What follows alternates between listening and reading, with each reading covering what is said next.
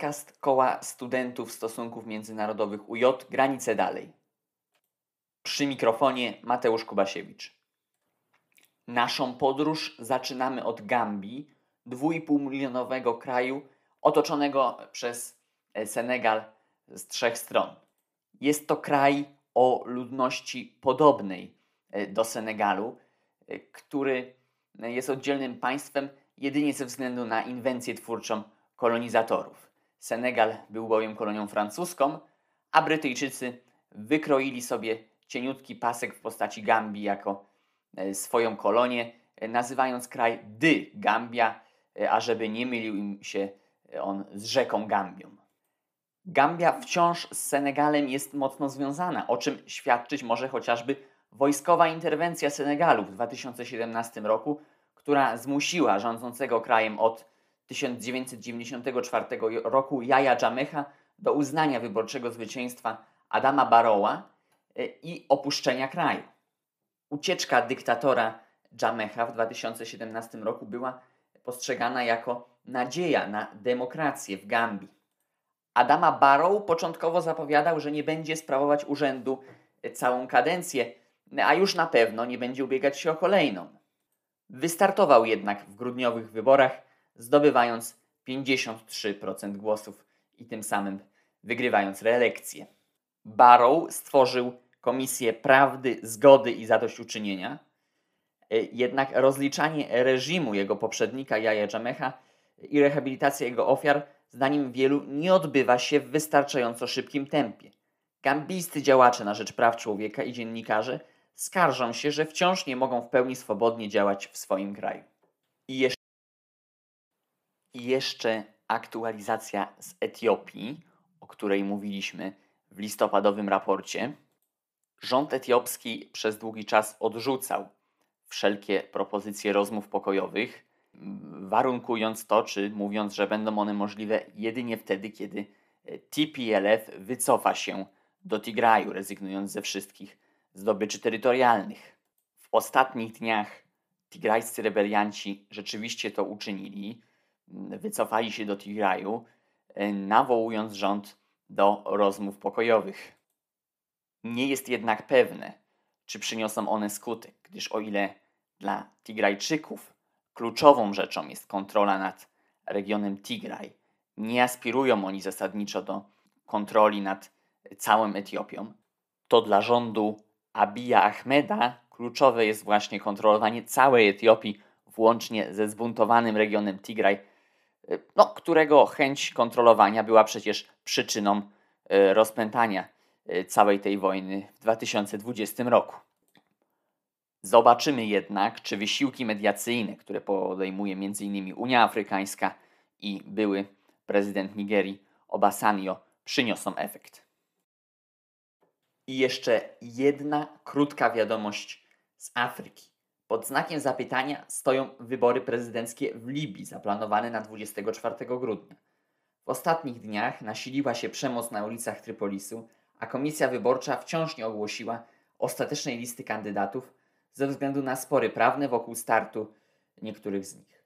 Sąd apelacyjny zezwolił na start m.in. Sejfowi al-Islamowi Kaddafiemu i tymczasowemu premierowi Abdulhamidowi Dejbachowi, którym kandydowania e, wcześniej zabroniła komisja wyborcza. 22 grudnia, niespełna dwie doby przed planowaną elekcją, podjęto decyzję o przesunięciu terminu wyborów, prawdopodobnie na koniec stycznia.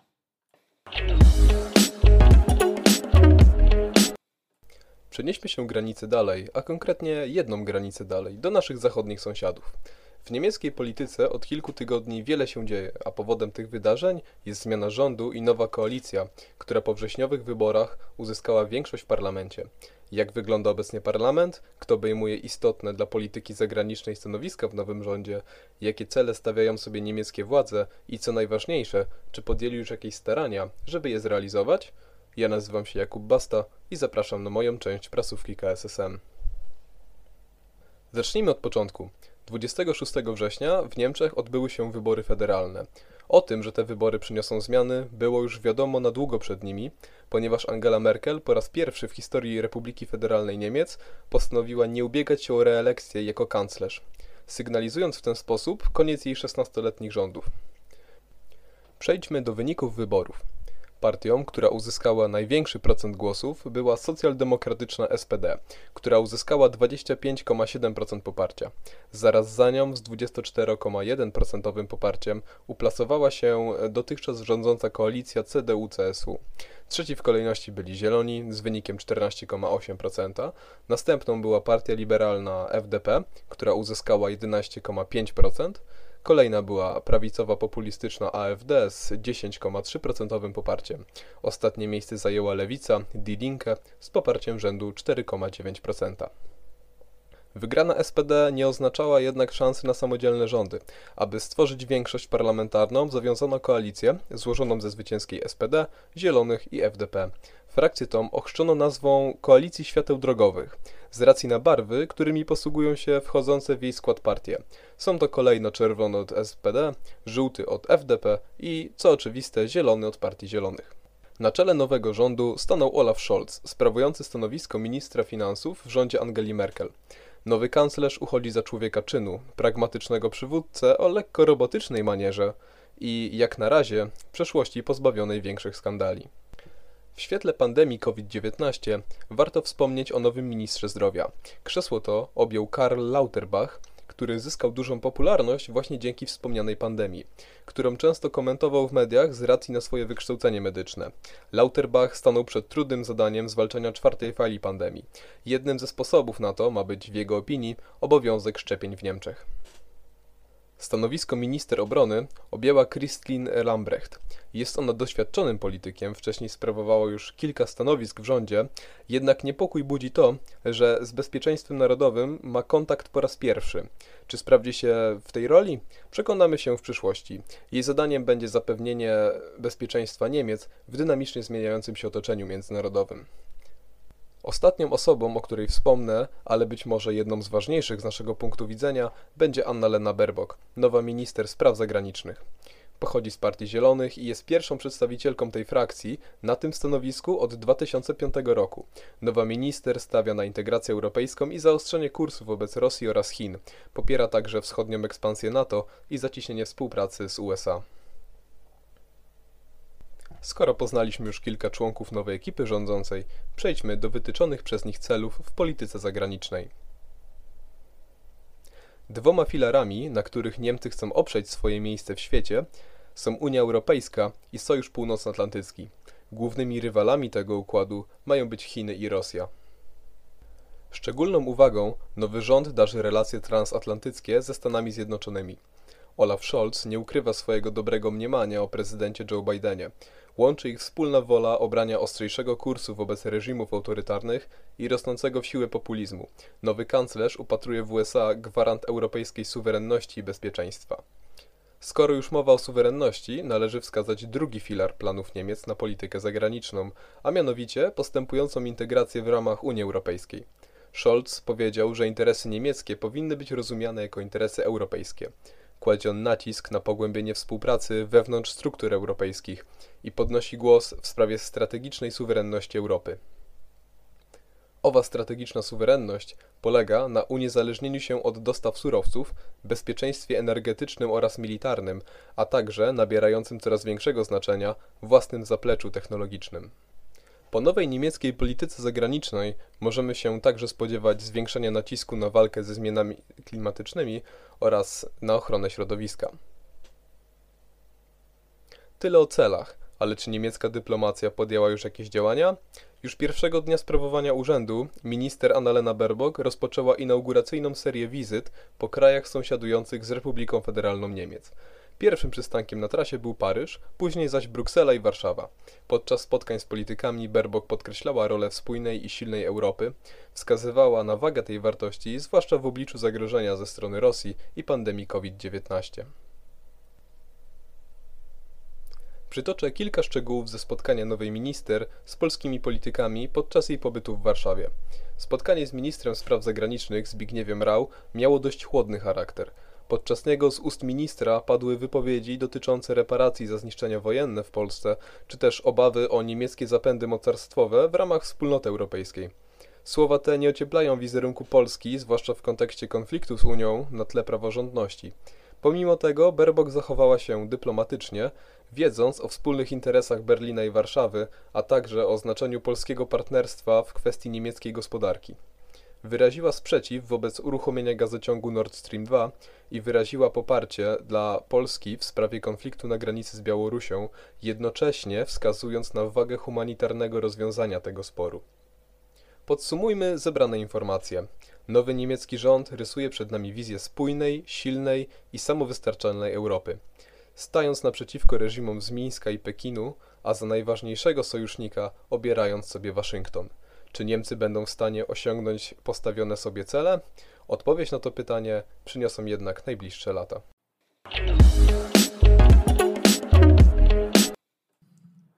Zostajemy jeszcze w Europie i przenosimy się do Bułgarii. Dla Bułgarów rok 2021 był rokiem wyborczym. Aż trzykrotnie szli oni do urn, by wybierać parlament. W kwietniu frekwencja była bliska 50%, w lipcu ledwo przekroczyła 40%, a w listopadzie nie osiągnęła nawet tego poziomu. Po kwietniowych wyborach rząd próbował stworzyć Bojko Borisow, od kilkunastu lat rządzący Bułgarią, którego większość społeczeństwa miała już serdecznie dość. W ostatnich latach trwały protesty przeciwko korupcji jego partii GERB, Obywatele dla Europejskiego Rozwoju Bułgarii, a także jego koalicjanta, Ruchu na Rzecz Praw i Wolności, formalnie reprezentującego mniejszość turecką. To jest około milion w 7-milionowym społeczeństwie bułgarskim, a w praktyce skupiającej oligarchów czerpiących korzyści z rządów. W związku ze słabym wynikiem gerbu i niechęcią pozostałych partii do współpracy z Borisowem nie udało się stworzyć rządu. Po lipcowej elekcji inicjatywę przejął Slawi Trifonow, twórca antyestablishmentowej partii Jest Taki Naród. Okazało się jednak, że bezczelność celebryty, choć bywa przydatna w kampanii wyborczej, słabo sprawdza się w rozmowach koalicyjnych. Za ową bezczelność Trifonow został ukarany przez wyborców w listopadowych wyborach, w których Jest Taki Naród dostał zaledwie 10% głosów. Tym razem pierwsze miejsce zajęła nowa partia Kontynuujemy Zmiany, założona przez Kirilla Petkowa, ministra gospodarki w tymczasowym technicznym rządzie. Ta partia dostała 25%, no ale trzeba pamiętać, że GERB y, zajął drugie miejsce, zdobywając niewiele mniej 23% głosów. Kirillowi Petkowowi udało się stworzyć rząd, na którego czele sam stanął, obejmujący także Jest Taki Naród oraz Socjalistyczną Partię Bułgarii, która uzyskała 10%, czyli najgorszy wynik w swojej historii, oraz liberalną koalicję Demokratyczna Bułgaria. Y, ta z kolei koalicja uzyskała 6% w listopadowej elekcji. Nowy rząd oznacza zmianę pokoleniową. Kiryl Petkow, urodzony w 1980 roku, jest o ponad 20 lat młodszy od Borisowa. Pozostaje oczywiście pytanie, czy nowo powstały gabinet będzie stabilny. Czy któraś z mniejszych partii, zwłaszcza ruch Slawiego Trifonowa, nie będzie szantażować premiera, licząc na korzyści. Rząd ma wprawdzie ponad 130 głosów w 240-osobowym parlamencie, jednak nie może sobie pozwolić na wyjście z koalicji żadnej formacji. W listopadzie odbyły się też wybory prezydenckie, w których reelekcję uzyskał Rumen Radew, kandydat partii socjalistycznej, w drugiej turze zdobywając dwie trzecie głosów i pokonując kandydata Gerbu. Chaos polityczny nie pomagał Bułgarii w panowaniu nad pandemią, choć Borisow, gdy jeszcze był premierem, zapewniał, że Bułgaria wyjątkowo dobrze radzi sobie z COVID-19, to dane mówią co innego. Bułgaria ma najwyższą w UE liczbę zgonów na milion mieszkańców, ponad 4000, e, czyli dwa razy więcej niż w Polsce, a pod względem procentu, e, procentu wyszczepienia może konkurować z nią tylko Rumunia. W obu tych krajach szczepionkę przyjęła raptem 1 czwarta populacji. Pozytywna wiadomość jest taka, że dzięki restrykcjom dla niezaszczepionych, które wprowadzono w połowie listopada, Bułgaria szczyt czwartej fali wydaje się mieć już za sobą.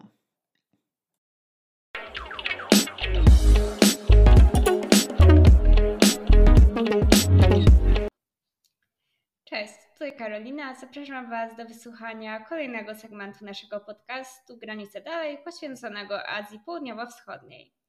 Na początku zajmiemy się już nie pierwszy raz w naszym podcaście kwestią politycznych zawirowań w Hongkongu, które wydają się być obecnie bezpośrednim następstwem wydarzeń z marca bieżącego roku, o których zresztą informowaliśmy wcześniej. 19 grudnia w Hongkongu odbyły się wybory do Rady Legislacyjnej. Były to wybory absolutnie wyjątkowe, ponieważ e, pierwszy raz po wprowadzeniu w marcu przez władze w Pekinie regulacji dotyczących sposobu pracy nad legislacjami, jak i samego sposobu powoływania przedstawicieli do Rady Legislacyjnej, zorganizowano właśnie takie wybory, które odbyły się terminowo po upływie pięciu lat od zorganizowania poprzednich. W wyniku wspomnianych regulacji zwiększono liczbę przedstawicieli Rady Legislacyjnej do 90 w porównaniu do poprzednich 70. Jednocześnie wprowadzono bardzo zasadnicze zmiany w kontekście powoływania przedstawicieli do Rady Legislacyjnej. Obecnie jedynie 20 miejsc przypada przedstawicielom wyłonionym w wyborach powszechnych, y, do udziału w których są e, zobligowani. Umożliwiany im jest wszystkim obywatelom Hongkongu którzy przekroczyli 18 rok życia. Jeżeli chodzi o pozostałe miejsca, a jest ich 70, wyłaniane są one przez przedstawicieli przeróżnych stowarzyszeń handlowych, które zwykle pozostają przychylne na linii Komunistycznej Partii Chin ze względu na ich interesy gospodarcze. W związku z tym, że w Chinach prowadzenie interesów przez firmę, która sprzeciwiałaby się linii politycznej partii w sposób otwarty, byłoby niemożliwe. Taka firma po prostu zostałaby zlikwidowana przez aparat państwa. Wcześniej do Rady Legislacyjnej kandydowano też na dwa sposoby. E, było wtedy 70 miejsc. Połowa była wyłaniana w wyborach powszechnych, a połowa przez wspomnianych przedstawicieli firm oraz stowarzyszeń handlowych. E, co warte zauważenia, najczęściej większość miejsc e, wyłanianych w wyborach powszechnych przypadała partiom opowiadającym się za niezależnością Hongkongu i podtrzymaniem jego szczególnego statusu obszaru częściowo niezależnego od Chin, m.in. poprzez niezależne regulacje. Tutaj mowa o tak zwanym bloku partii demokratycznych, które w dużej mierze zostały zlikwidowane tudzież osłabione w związku z jego zaangażowaniem w procesy, które zachodziły w Hongkongu, przede wszystkim w e, sprzeciw wobec działań Komunistycznej Partii Chin która dąży do zunifikowania Hongkongu z kontynentem. Według wstępnych sondażowych wyników wszystkie 20 miejsc, e, które mogły być wyłonione w wyborach powszechnych, przypadły przedstawicielom tzw. Tak patriotycznym, czyli e, takim, którzy głoszą linie poglądów zgodnych z e, linią władz w Pekinie, są zresztą przez te władze promowani i popierani. Co warte zauważenia, frekwencja w wyborach wyniosła jedynie 32 punkty procentowe, co jest najniższą frekwencją od 2000 roku. Dla porównania frekwencja w poprzednich wyborach w 2016 roku, jeszcze przed wprowadzeniem wspomnianych regulacji, wyniosła 58%. Co jeszcze warto w tym kontekście zauważyć, władze prowadziły intensywną kampanię propagandową, zachęcając obywateli do uczestnictwa w wyborach, innymi poprzez wiece wyborcze, plakaty, e, finansowanie kampanii poszczególnych kandydatów, czy też chociażby poprzez wprowadzenie darmowej komunikacji miejskiej w dniu wyborów. Jednakże ludność Hongkongu w dużej mierze zbojkotowała wybory, wykorzystując wspomnianą darmową komunikację miejską, by masowo udać się na wycieczki czy pobliskie kampingi. E, I zdecydowanie taki bojkot jest przejawem pewnego sprzeciwu, niemniej trzeba spoglądając realistycznie na sprawę zauważyć, że pekińskim władzom udało się zrealizować najważniejsze cel, czyli przejęcie tych 20 miejsc możliwych do zdobycia w wyborach powszechnych, co umożliwi im zmianę prawa Hongkongu, unifikację jego z kontynentem, a tym samym e, dalsze ograniczenie autonomii Hongkongu, która już teraz ma charakter mocno iluzoryczny. Dodatkowo same wybory zostały w chińskich mediach uznane, przynajmniej w mediach głównego nurtu, uznane za zdecydowany sukces, a osoby, które zgodnie z tymi sondażowymi wynikami e, uzyskały miejsce w Radzie Legislacyjnej, są obecnie zapraszane do wielu wywiadów czy też spotów propagandowych. W zaświętnych mediach głównego nurtu przewijają się takie hasła jak te głoszące, że wyniki wyborów umożliwią przywrócenie stabilności Hongkongowi, który ze względu na działania wrogich zagranicznych sił. Tutaj oczywiście jest to nie bezpośrednie zwrócenie w kierunku Stanów Zjednoczonych ich działalności, był pogrążony w chaosie. I zdecydowanie te wybory zadecydują o losie Hongkongu w sposób zdecydowany, o czym będziemy w dalszych częściach naszego podcastu też z pewnością nieraz informować. Dziękuję za uwagę.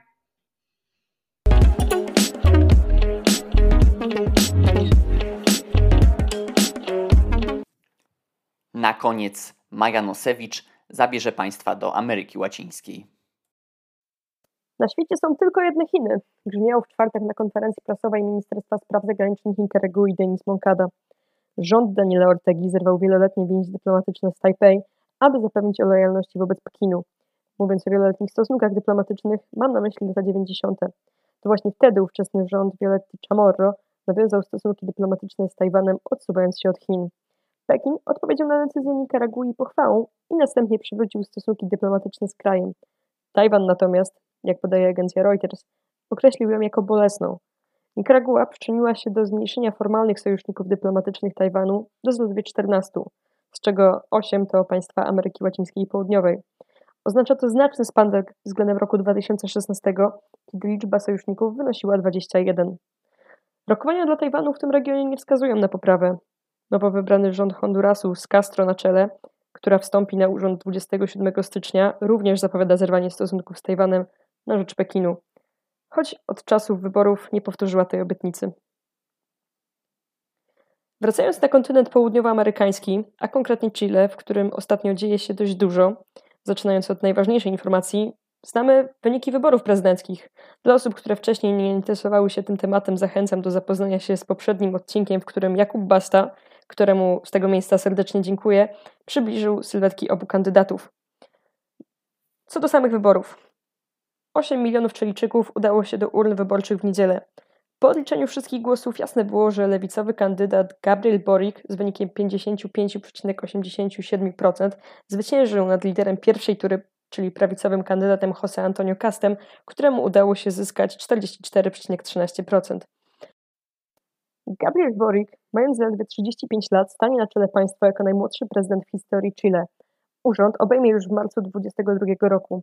Będzie również pierwszym prezydentem, który złamał blok centrolewicy i centroprawicy, który od lat 90. naprzemiennie rządził krajem. Będę prezydentem wszystkich Chilijczyków. Musisz w końcu zrozumieć, że umowy muszą być zawierane z ludźmi, a nie tylko między czterema ścianami, głosił prezydent Elekt w swoim telewizyjnym przemówieniu skierowanym m.in. do obecnego prezydenta Sebastiana Piniery.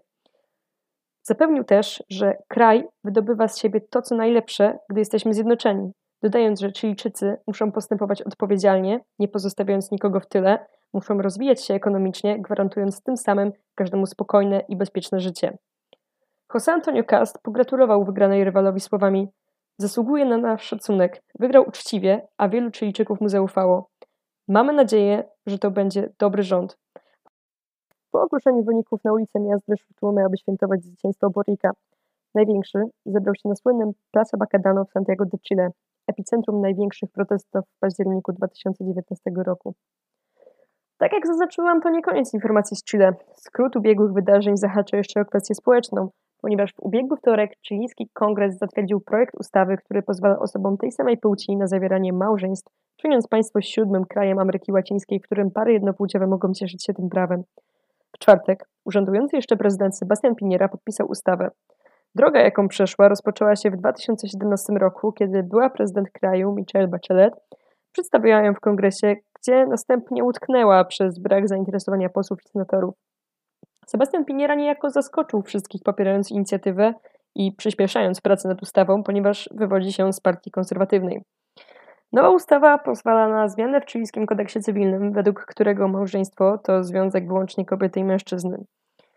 Uznane zostaną również wszystkie małżeństwa jednopłciowe zawarte poza granicami Chile, a pary zyskają możliwość do adopcji dzieci.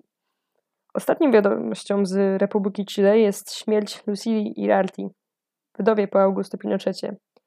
Lucia Irarti zmarła w wieku 99 lat w swojej rezydencji w Santiago, niemal 15 lat po śmierci swojego męża. Była postacią budzącą w społeczeństwie chilijskim silne kontrowersje ze względu na wpływ, jaki wywierała na decyzję generała. Wracając jeszcze na chwilę do wyborów i przy tej okazji znowu zachęcę Państwa do przesłuchania poprzedniego odcinka, ponieważ zarówno Kast, jak i Borik zareagowali na śmierć Hirarti. Cast stwierdził, że wydaje się być niewiarygodne, że śmierć ta nastąpiła w tym samym dniu, co zamknięcie kampanii przed drugą ostateczną turą wyborów. Natomiast Boryk umieścił wpis na Twitterze o treści Lucia Iliarty zmarła bezkarnie, nigdy nie odpowiadając za ból i podziały, jakie spowodowała w naszym kraju. Kieruje głębokie wyrazy szacunku dla wszystkich ofiar dyktatury. Dyktatury, której Irarti była częścią. Nie zamierzam celebrować bezkarności. Nadszedł czas, aby zacząć pracować na rzecz sprawiedliwego i godnego życia, bez uciekania się do prowokacji i przemocy. Po ogłoszeniu wiadomości o śmierci wdowy, główny plac w Santiago zapełnił się tłumem, który świętował śmierć Irarti, uznając ją za analogię końca pewnej epoki Chile. To już wszystko w przedświątecznym raporcie Granicy Dalej. Następny dopiero w 2022 roku, dlatego z tej okazji w imieniu całej redakcji pragnę życzyć Państwu spokojnych, a przede wszystkim zdrowych świąt oraz szczęśliwego nowego roku. Do usłyszenia.